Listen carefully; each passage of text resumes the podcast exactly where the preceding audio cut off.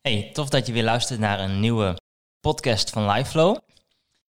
Vandaag zit ik bij Luc Salomons thuis. Hallo. Dankjewel dat ik hier mag zijn. Ehm, ja, wil je je eens kort voorstellen? Wie ben jij? Eh, wat doe jij in het dagelijks leven? Ja, zeker wil ik dat. Ehm, welkom als eerst. Leuk dat je hier bent. Eh, ik ben eh, Luc Salomons inderdaad. Ik ben volgens mij, ja, ik ben nu 27 jaar. ik eh, ben op het moment van opnemen ben ik verloofd met eh Nienke. We gaan in oktober gaan we trouwen. Zoals de planning nu is. Ehm, in het dagelijks leven werk ik in een magazijn in Hogeveen. Dus daar doe ik uh, orderpikken en van alles. Ja. Verder ben ik ehm, werkzaam en oprichter van, eh, medeoprichter van Streef. Dat is een stichting die ik met vrienden heb opgericht. ehm, en waar we eigenlijk jongeren enthousiast willen maken om het avontuur met Jezus aan te gaan. Om altijd te zoeken naar het meer van Jezus. Ehm wij geloven dat er heel veel jongeren eh, naar de kerk gaan, maar nog geen idee hebben hoe gaaf eigenlijk het avontuur met God is. Dus we Ja. willen mensen eigenlijk enthousiast maken voor Jezus. En dat doen we door verschillende dingen, onder andere door een podcast die we hebben. En ehm, door weekenden die we organiseren. Nu met corona eventjes niet. Nee, maar helaas. we hebben gisteren vergaderingen gehad en we hopen dat ze er weer aankomen. Ja, En ehm, een mailserie. Dus op allerlei manieren proberen we echt jongeren een radicale boodschap mee te geven en eh, te enthousiasmeren. hartstikke tof. Ja, Dankjewel.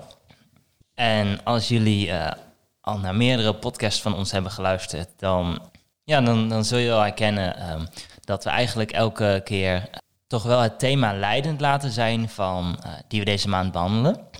Maar dat gaan we nu anders doen. Ehm, we hebben een beetje een nieuw concept bedacht, waardoor het allemaal net iets vrijer kan zijn. Ehm, zeker gaan we het eh, onderwerp van deze maand behandelen, maar we hebben het iets uitgebouwd waardoor we ook meer ehm, eigenlijk gaan richten op eh, de relatie met Jezus van de gast van de aflevering, in dit geval met Luc.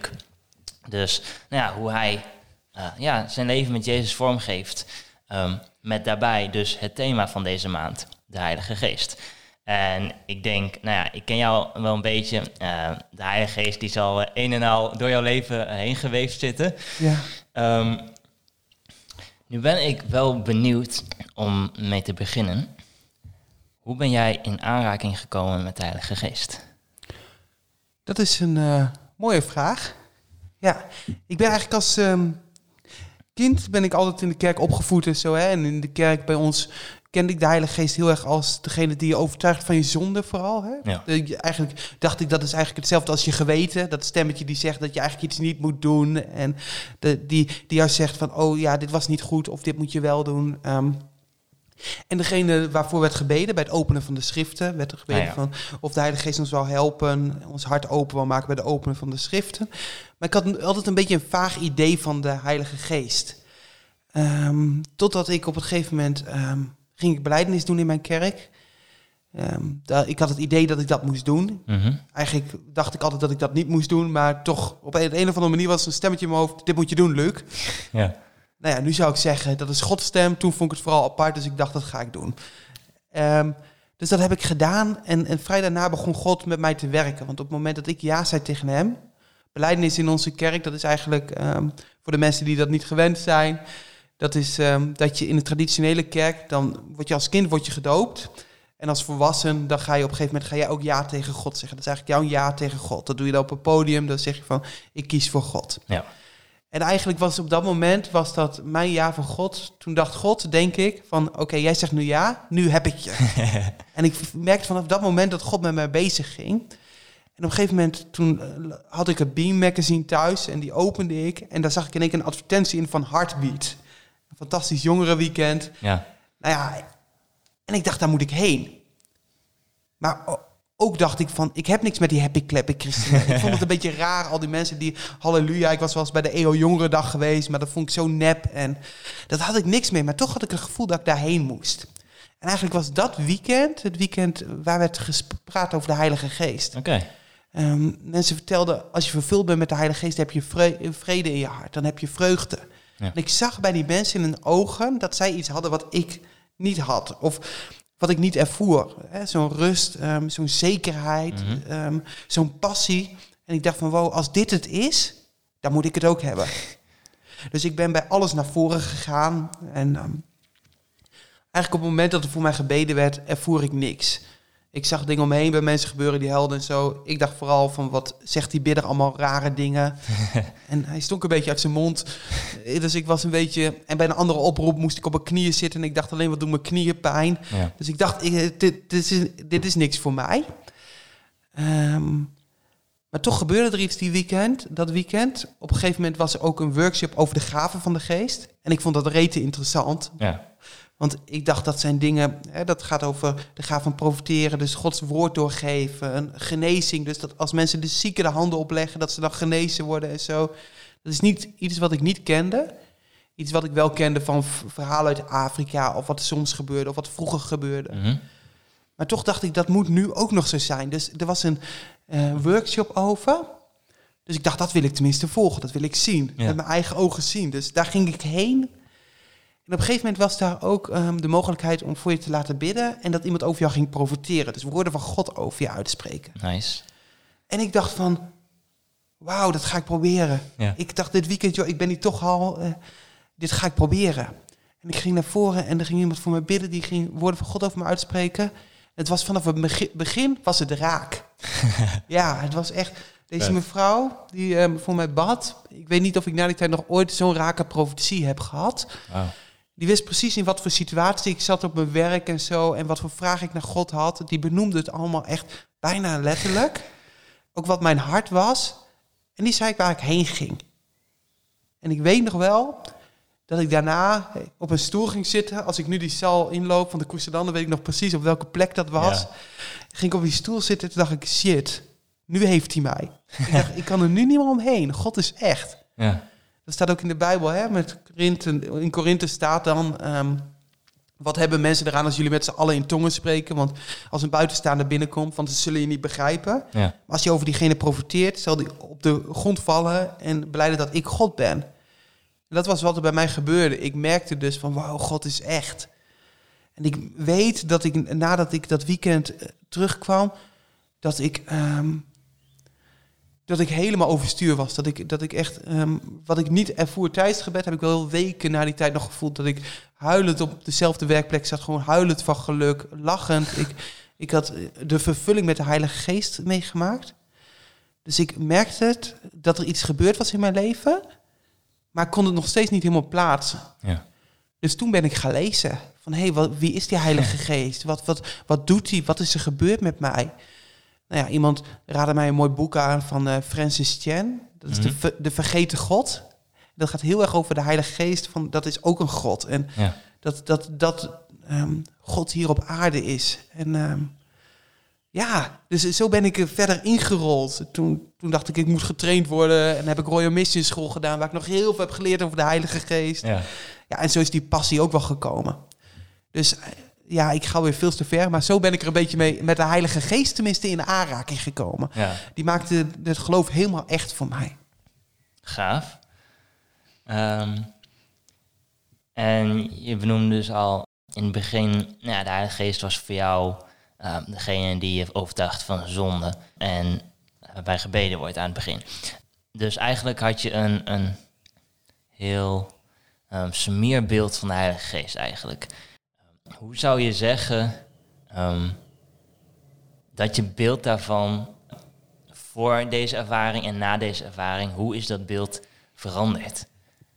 Ja, ehm, nou de Heilige Geest werd meer echt. Ik, ik denk dat, ehm, dat ik meer ging begrijpen wie de Heilige Geest was.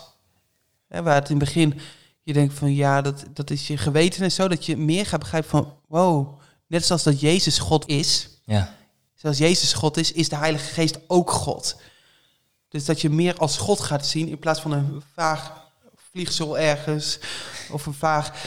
Weet je, in sommige plekken zien de Heilige Geest vooral als een hele hoop kracht. Hè? Ja. Dat, is, dat, is, dat is kracht. En de anderen noemen het een stukje gedachte.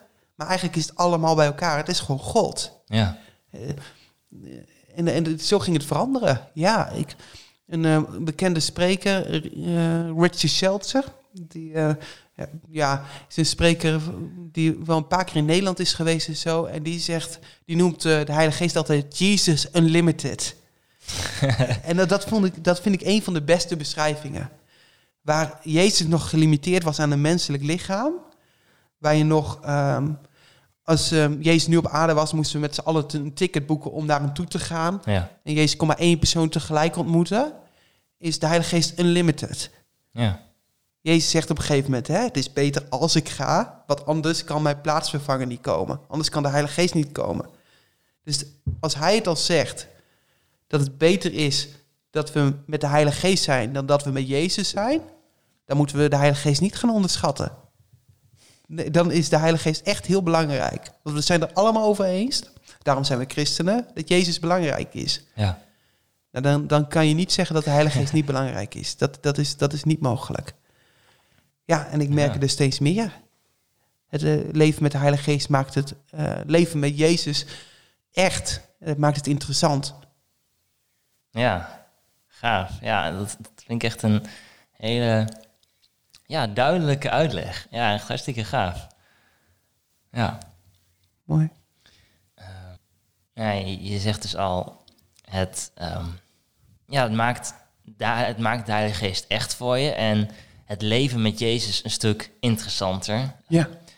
Misschien wel veel meer dan dat het eerst was. Ehm, hoe ziet dat er gewoon heel praktisch in het dagelijks leven voor jou uit? Hoe betrek jij de Heilige Geest in de dag? Ja, dat is een mooie.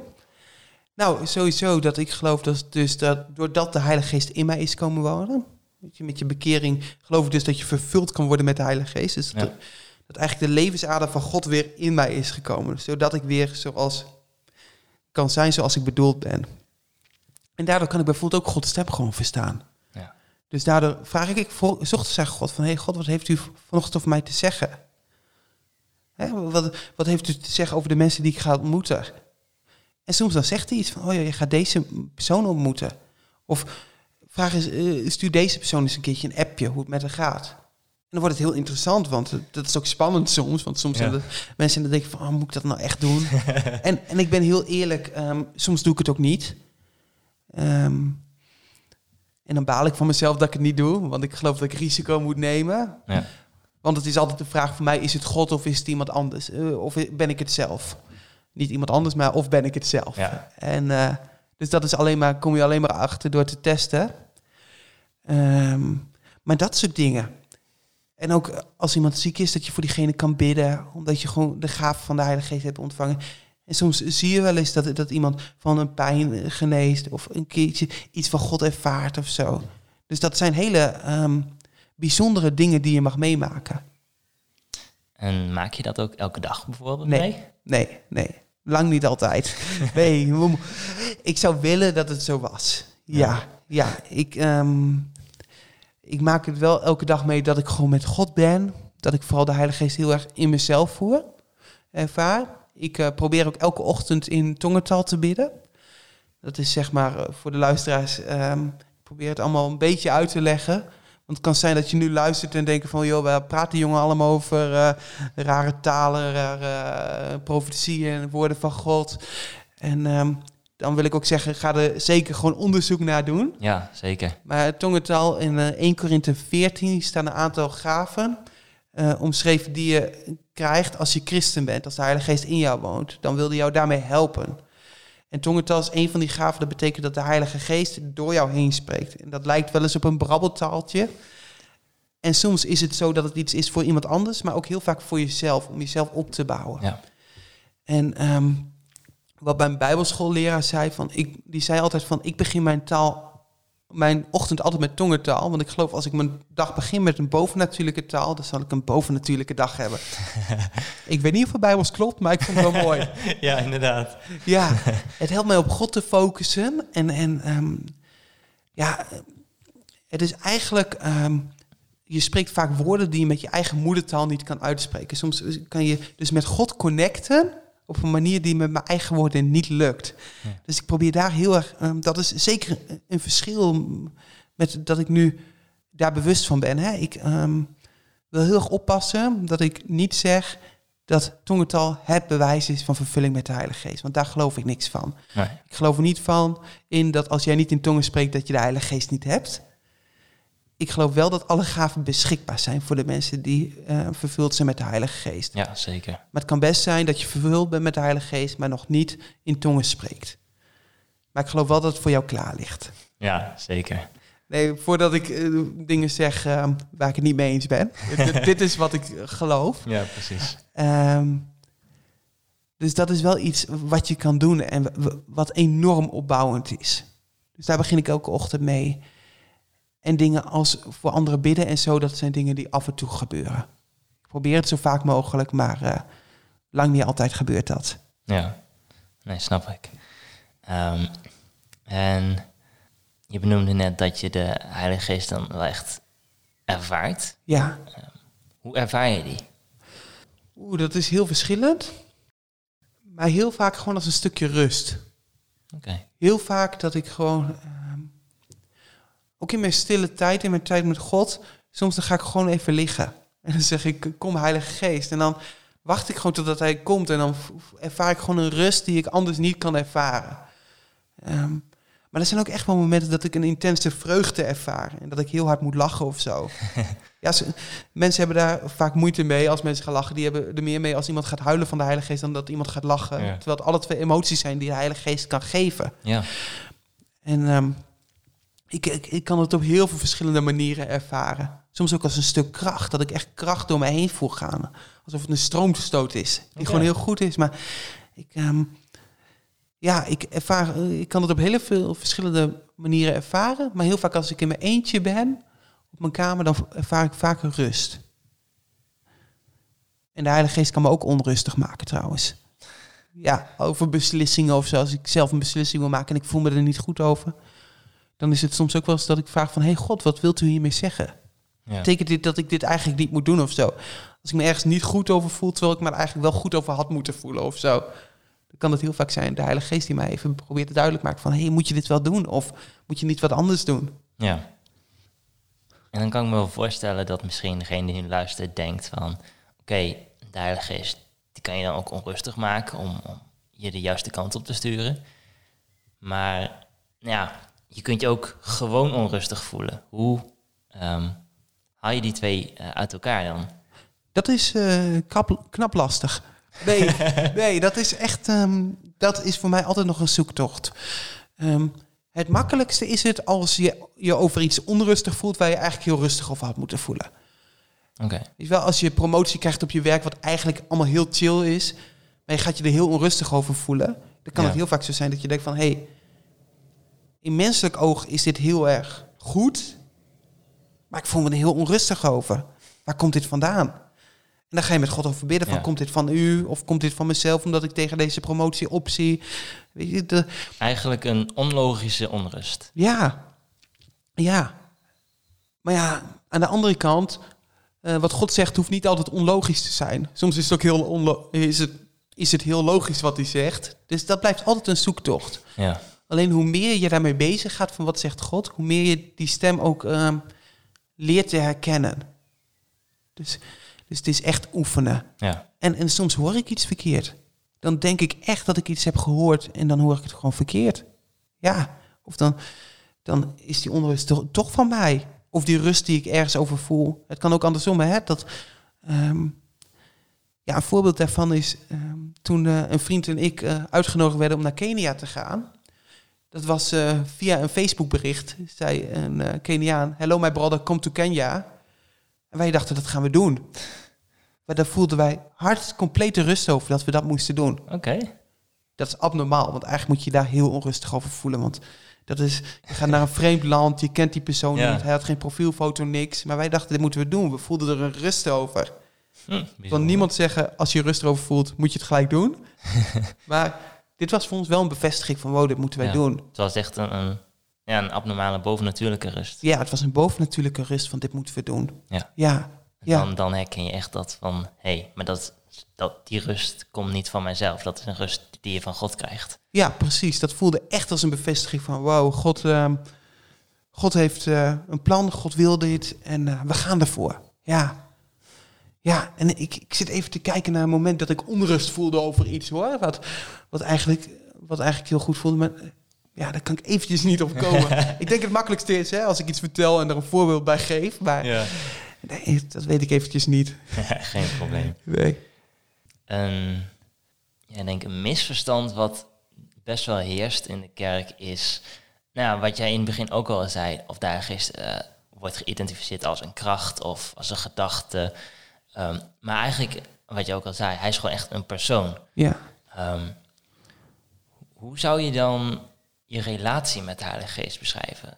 Want ja, we bidden allemaal tot God. Uh, misschien zien we Jezus als onze broer of als onze vriend. Um, hoe, hoe ziet jouw relatie dan met de Heilige Geest eruit? Dat is een, uh, een zeer goede vraag.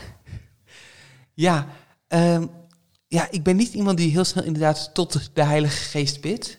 Ik bid meestal inderdaad tot God de Vader of tot Jezus. Maar aan de andere kant bid ik ook wel tot de Heilige Geest of die wil komen. Ja. Ja, maar of mijn relatie met de Heilige Geest dan heel erg anders is dan met God en Jezus, dat, dat, dat weet ik niet. Nee, ja. nee daar heb ik geen, uh, geen uh, sluitend antwoord op, zeg maar. Nee, het is niet van uh, als ik dit nodig heb, dan haal ik deze kant van God uit de trommel. En als ik dit nodig heb, haal ik die kant van God uit de trommel. Ja. Dat is dus ook het hele verwarrende soms ook hè, met de drie-eenheid. Ja. God, de Vader, de Zoon, de Heilige Geest. Dat is ook lastig, ja. Is alle, alle drie dezelfde persoon. Maar het helpt mij soms in mijn hoofd om het te scheiden. Dat als ik in een samenkomst ben en ik ga voor genezing bidden en zo, dan vraag ik de Heilige Geest om te komen. Dan vraag ik de aanwezigheid van God om te komen. Omdat ik geloof dat zijn aanwezigheid hier op aarde, omdat de Heilige Geest op aarde is, de genezing kan zijn. Ja. Omdat de Heilige Geest op aarde is, de bevrijding kan zijn. Dus, dus daarin, ik denk dat voor het fysieke ik vaak de Heilige Geest ook vraag. Um, en Jezus die geeft ons autoriteit. In Jezus' naam bidden wij. Ja. ja en die, die is voor onze zonde gestorven. Dus zo. Maar een aparte relatie met de Heilige Geest dan met de andere goden. Nee, het is allemaal één God. Ik vond het mooi wat uh, bij de There is More conferentie um, vertelde Paul Martini. Die zei van, ik vond het ook altijd verwarrend, zegt hij. Ik dacht altijd van, uh, God de Vader, God de Zoon, God de Heilige Geest. Dat is 1 plus 1 plus 1 is 3. Hij zegt, dat klopt niet. die, die, christenen kunnen me alles vertellen, maar 1 plus 1 plus 1 is 3. En toen was hem was uiteindelijk uitgelegd, het is niet 1 plus 1 plus 1, maar het is 1 keer 1 keer 1 is 1. Hm. Ja. Ik dacht van, ik weet niet of het theologisch verantwoord is, maar zo begrijp ik het. ja. Het versterkt elkaar allemaal. Het is geen plussommetje, maar het versterkt elkaar allemaal. Het hoort allemaal precies in die 1. Ja. Ik dacht, dat is prachtig. Ja, ja inderdaad. Nice. Ik ben nu wel benieuwd naar... Um, nou, je had die ervaring gehad dat je eigenlijk de Heilige Geest leerde kennen um, op Heartbeat. Um, en even later sprak je over dat je zelf ook wonderen hebt meegemaakt, zelf ook profiteert. Hoe, hoe, was de eerste keer, of misschien een van de eerste keren, hoe was dat voor jou? Um, hoe ben jij dat zelf gaan toepassen in je eigen leven? Ja, alweer een goede vraag. Zo, zoveel goede vragen. Nou, dat um, komt dus omdat ik mij dus heb laten trainen. Ik ben dus naar Royal Mission School geweest. En, en dat is niet een school waar je leert om met de gaaf van de geest bezig te gaan. Dat is vooral een hele uitgebreide leerschool. Maar het is wel een plek waar, um, waar mensen ook bezig zijn met de gaaf van de geest. En waar, waar, waar daarna gestreefd wordt, waar daar um, naar uitgestrekt wordt. Ja. Martin Koornstra was er veel en die vertelde daarover. En um, ik was heel bang dat ik iets deed wat niet van God was. Uh, en dat komt omdat dus in mijn traditie er haast niet over gepraat wordt. Het wordt niet ontkend, maar er werd haast niet over gepraat. Ja. Dus dan ben je bang van, hé, hey, als het niet in mijn kerk verteld wordt, is dit een ander geloof? En dan ben je daar heel erg mee aan het zoeken. Dus daar ben ik heel erg op onderzoek als eerst uitgegaan van, hé, hey, is dat iets um, waarvan ik geloof dat dit van God komt? Dus ik heb daarover gelezen en ik heb God gebeden daarover en zo. En um, op een gegeven moment kwam ik dus echt tot de conclusie dat ik dacht van ja, dit is van God. Ja. En ik dacht, ik, op een gegeven moment dacht ik van joh, ik denk de hele tijd dat dit van de duivel is en zo, maar ja, wow, ik denk wel dat de duivel dit kan, maar ik denk niet dat God dit kan. Wat is dat voor rare gedachte, dacht ik toen. Ja, zo werd ik gewoon in mezelf bevestigd. En ik weet nog heel goed dat op een gegeven moment gingen ze bij ons op school, gingen studenten onder elkaar, het werd niet door de leraren gedaan, gingen voor beenlengteverschil bidden. Die gingen voor mensen die beenlengteverschil hadden, gingen ze bidden. Dan gingen ze die op een stoel zetten. En dan, uh, nou ja, ja, beenlengteverschil. Dan gingen ze voor bidden dat de ene been aangroeide, Ja. wat langer werd. En ik zag dat en ik dacht, ja, dat, dat, dat, dit is makkelijk. Weet je wel, jullie trekken die voet iets uit. Jullie willen wel heel graag dat dat been aangroeit. En ik dacht van ja, dit. Ik vond het eh, een beetje blasfemie. Ik vond het Ja. een beetje godslasterend ook wel. Maar ik dacht op een gegeven moment, weet je, ik ga wel even bewijzen dat dit niet van God is, dacht ik. Ik heb ongelijke benen, dus ik ga het wel even bewijzen, dacht ik. Dus ik zeg, ik, ik ga op, op die stoel zitten en ik zeg, nou, doe maar hoor. Ehm, als dit echt werkt, eh, doe maar. En eh, iemand die nog nooit had gebeden voor beenlengteverschil, die wou het wel proberen. En die ging bij me zitten en die, die bad, eh, ik weet niet meer welke been het was, rechterbeen, groei aan. En ik voel in één keer een warmte door mijn been gaan en ik schrik me kapot, hè. ik denk, wat is dit? Ja. Nou ja, en die mensen eromheen helemaal schreeuwen van, ah ja, die groeit aan. En ik dacht, wat is dit? En, en ik wou gaan staan en ik had het gevoel alsof ik scheef stond. Want mijn ene been was langer geworden Ja. dus. Zo had ik nog nooit gestaan. En ik had daarna ook tijdens werk en zo geen la- last meer van mijn rug als ik lang stond en zo. Want Oh, ik kreeg daar rugklachten van, van heel lang staan, omdat Ja. ik dus iets scheef stond. Ehm, maar toen het gebeurd was, toen dacht ik, shit, ik heb iets heel ergs gedaan. Ik dacht, hoe ga ik dit uitleggen? Wat, wat is er gebeurd? Je, omdat je niet geloofde dat het echt was, maar het gebeurde wel echt, kwam ik weer een geloofsdilemma. ja. maar ja, op een gegeven moment ben ik eruit gekomen en geloofde ik echt, ben ik gaan vertrouwen van dit is van God. En toen heb ik ook God op een gegeven moment gezegd, ik zeg, joh, ik geloof dat dit van u is. En als ik, als ik het mis heb, hou me dan tegen. Ja. Zeg het dan als ik het mis heb. Want, want ik, heb, ik heb het echt onderzocht en ik geloof het. Maar ja, ik ga niet bang blijven dat ik iets verkeerd doe. Ik wil u achterna gaan en ik geloof dat dit erbij hoort. Ja. Ja, en toen las ik dus ook die Bijbeltekst in de Bijbel. In ehm 1 Korinthe 14, vers 1. Jaag de liefde na, maar streef naar de gaven van de geest. Vooral opdat u mag profiteren. Nou ja, als je een streefgewicht hebt, dan ga je minder eten. Of sporten. Als je een streefgetal hebt wat je wil halen, cijfer hebt wat je wil halen bij je toets, ga je leren. Ja. Als je maar gaat streven, daar zit iets actiefs in. Ja. Daar mag ik, voor mezelf mag ik daar oefen in vullen. Oefen in de gaven, in de geest. Dus we gingen oefenen. Op school gingen we heel erg oefenen. Fouten maken. ehm, dingen goed doen, dingen fout doen. Ja, we gingen oefenen. Dus Ja. ik ging oefenen om voor mensen te bidden die ziek waren. En ik weet dat de eerste keer was het volgens mij iemand die zijn hand ergens had verbrand of zo, die had pijn. Nou ja, ik ging ervoor bidden en het gebeurde. De pijn was weg. Nou ja, dat is aanstekelijk. En dan ga je steeds meer dingen proberen. En, en ehm, ik ging mee met, met eh, wonderlijke zondagen op een gegeven moment ook om daar veel uit te stappen en veel te proberen. En, en steeds meer, hoe meer je het doet, hoe meer je gaat zien. En hoe meer, hoe meer het ook in je leven gaat werken. Ja.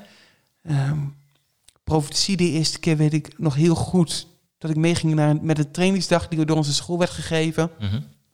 En ik had eigenlijk nog nooit in ministry teams gezeten. Ja. Op een gegeven moment werden wij als ministry team naar voren ge- eh, gestuurd. En dan word je heel erg ehm, lief van hun ook.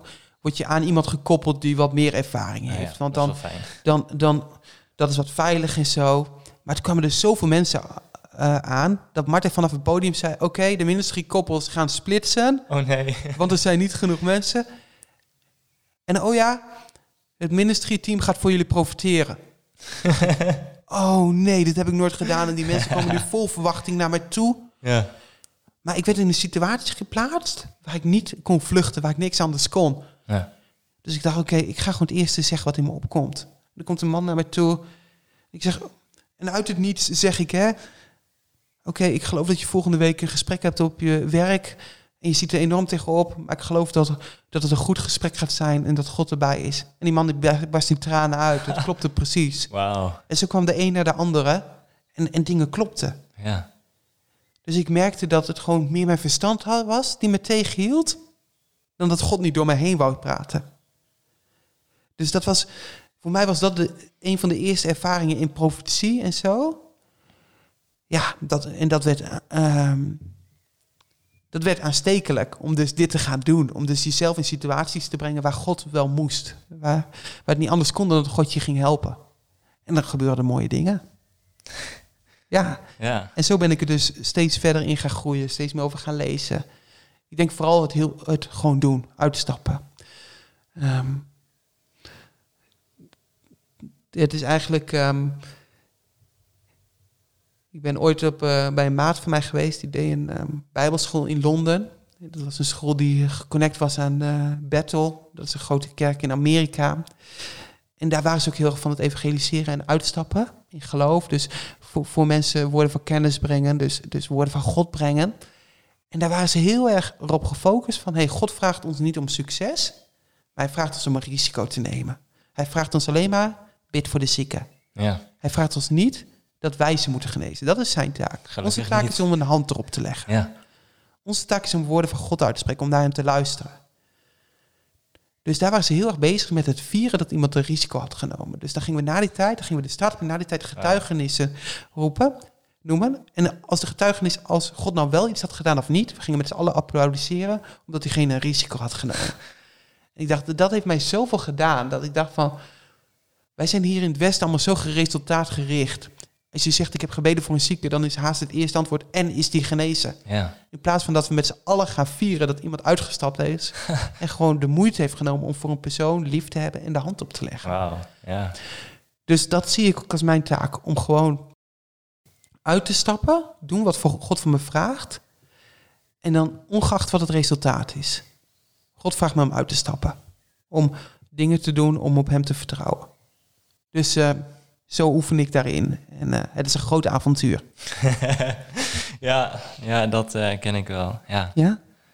Wauw, ja, dat, dat vind ik een eh, heel goed punt die je, die je maakt, dat je geleerd hebt in Londen. Ja? Ja, ja, gaaf. Ehm, dan heb ik een laatste vraag voor je. Je hebt nu verteld over ehm, ja, hoe, hoe je bent gaan groeien in wonderen, in eh, genezing, in profetie. Ehm, eigenlijk de uiterlijke dingen die de Heilige Geest door ons heen wil doen voor de ander. Ja. Maar hoe ervaar je zijn leiding? Ja, dat is ook een eh, mooie vraag. We hebben het een beetje over gehad, hè, hoe ik dan onrust ervaar of rust Ja. ervaar over bepaalde beslissingen. Ehm, ja, en zo is het ook eigenlijk. Ik denk dat ik heel erg zijn leiding ervaar door echt, als ik een stap ehm, maak, dat ik echt voor, tot een bid van, hey, God, moet ik dit doen of moet ik dit niet doen? En als ik geen antwoord heb, dan zeg ik, oké, hou me tegen als ik het niet moet doen. Ja, Want eh, ik heb wel eens gehoord, een eh, bewegend, o- een stilstaand object kan God niet sturen. ja, Ik geloof dat God alles kan, dus ook een stilstaand object sturen. Maar anders kunnen we heel passief worden. Maar ik probeer heel erg ook, ehm, als ik nieuw werk zoek, hè, ik ben ook heel, nou, ik sta nu best wel in een punt van mijn leven met heel veel verschillende, ehm, nou ja, omdat ik dus ga trouwen, moet ik veel beslissingen nemen. ja, Waar gaan we wonen? Eh, wat voor werk ga ik zoeken? Moet ik wel gaan trouwen? Was de eerste beslissing die ik moest nemen. Oh, moet ik wel gaan daten? Al dat soort dingen eh, vraag ik aan God. ja, Dat is, ehm, en dan ehm, merk ik in heel veel dingen gewoon echt zijn leiding. God mij duidelijk heeft gemaakt dat ik überhaupt mocht daten met Nienke.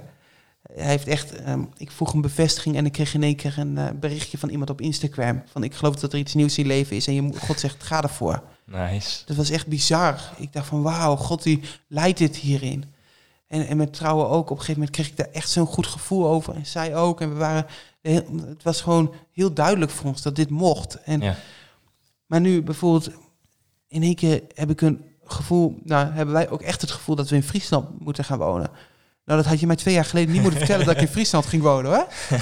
Ja, dat, kijk, dat is dus iets dat je rust krijgt over iets wat eigenlijk heel apart is. Wie, Ja. wil, wie wilde nou in Friesland wonen? Nee. Sorry voor mijn Friese vrienden. Eh, dit meen ik niet, hè? Het is een grapje. Oké, maar eh, nee.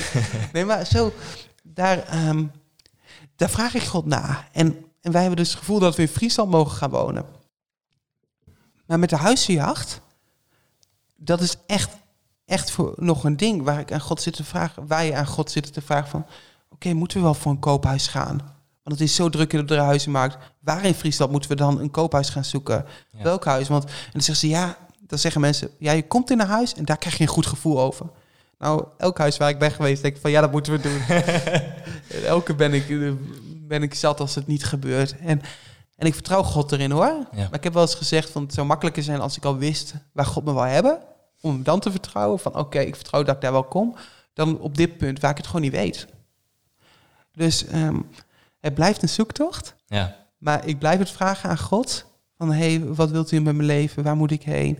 Wat voor werk moet ik straks gaan doen? Ehm, moet ik straks werk gaan doen? Ja, ik geloof dat ik werk moet doen hoor, maar, maar wat ik dan moet doen en Ja. ehm, ook welke kant wij met onze stichting op moeten en zo, dat proberen we echt allemaal God te vragen. En daarbij gewoon ook te geloven dat, ehm, dat we verstand van God hebben gekregen, dat we de mind of Christ hebben. ja, Hij heeft ons te denken veranderd. Dus, en dat, dat zijn plannen ook heel vaak in overeenstemming zitten met onze verlangens. Als het niet tegen de Bijbel ingaat. Weet je, als mijn verlangen zou zijn om, eh, om met eh, zes meiden, verschillende meiden achter elkaar seks te hebben, dat is denk ik niet zijn verlangen. Dus dat zal niet zijn idee zijn. Maar hè, in de context van als het in de Bijbel staat en ons verlangen en zijn verlangen staan vaak in overeenstemming met elkaar. ja. Dus ik geloof als ik open sta voor hem, dat hij mij leidt. Ja, Ja, dus dat. ja hartstikke gaaf. Mooi. Ja, Ja, wat je inderdaad zegt, het is ehm, misschien wel een balans vinden tussen God vertrouwen en ook vertrouwen dat Hij je leidt en ehm, ja, ook gewoon actief dingen ondernemen. ja, Zoals je zegt, God heeft ons ook gewoon een rationeel verstand gegeven om gewoon goede beslissingen te maken. absoluut. Natuurlijk, hartstikke goed om bij al je beslissingen, eh, om die aan God voor te leggen. Ehm, dat, dat zegt de Bijbel ook, leg alles bij God voor.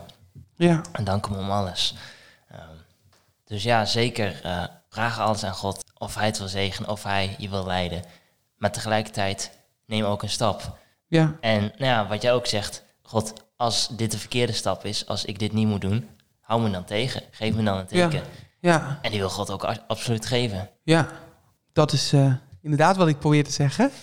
dus mooi. Nee, helemaal waar. Gaaf, ik heb van, deze, van dit gesprek genoten. Ik Ja. ook. Mooi om te zien hoe, ja, hoe jouw leven echt gewoon ja, vol is van de Heilige Geest, hoe hij door jou heen werkt. Ja, Ehm, ja, en ook hoe inspirerend het is om dat te horen. Dus ja, hartstikke gaaf. En eh, voor jullie, de luisteraars, deze maand is nog niet over. Eh, we plaatsen nog een paar dingen over de Heilige Geest eh, op ons Instagram en Facebook. Eh, volg je ons nog niet, volg ons dan op eh Liveflow NL. Voor de rest van de content van deze maand, deel ook absoluut deze aflevering met al je vrienden, met mensen die meer willen weten over wie de Heilige Geest is, over ja, hoe dat er nou uit kan zien in ons leven, waar we het dus net over hebben gehad, zodat zij ook gewoon bemoedigd mogen worden en geïnspireerd en aangemoedigd mogen raken. Ehm, ja, dus hartstikke bedankt voor het luisteren. Bedankt Luc dat jij er was, dat jij jouw verhalen wou delen. Ehm, en dan eh, horen jullie mij met een volgende gast in de volgende podcast. Hoi! tot ziens.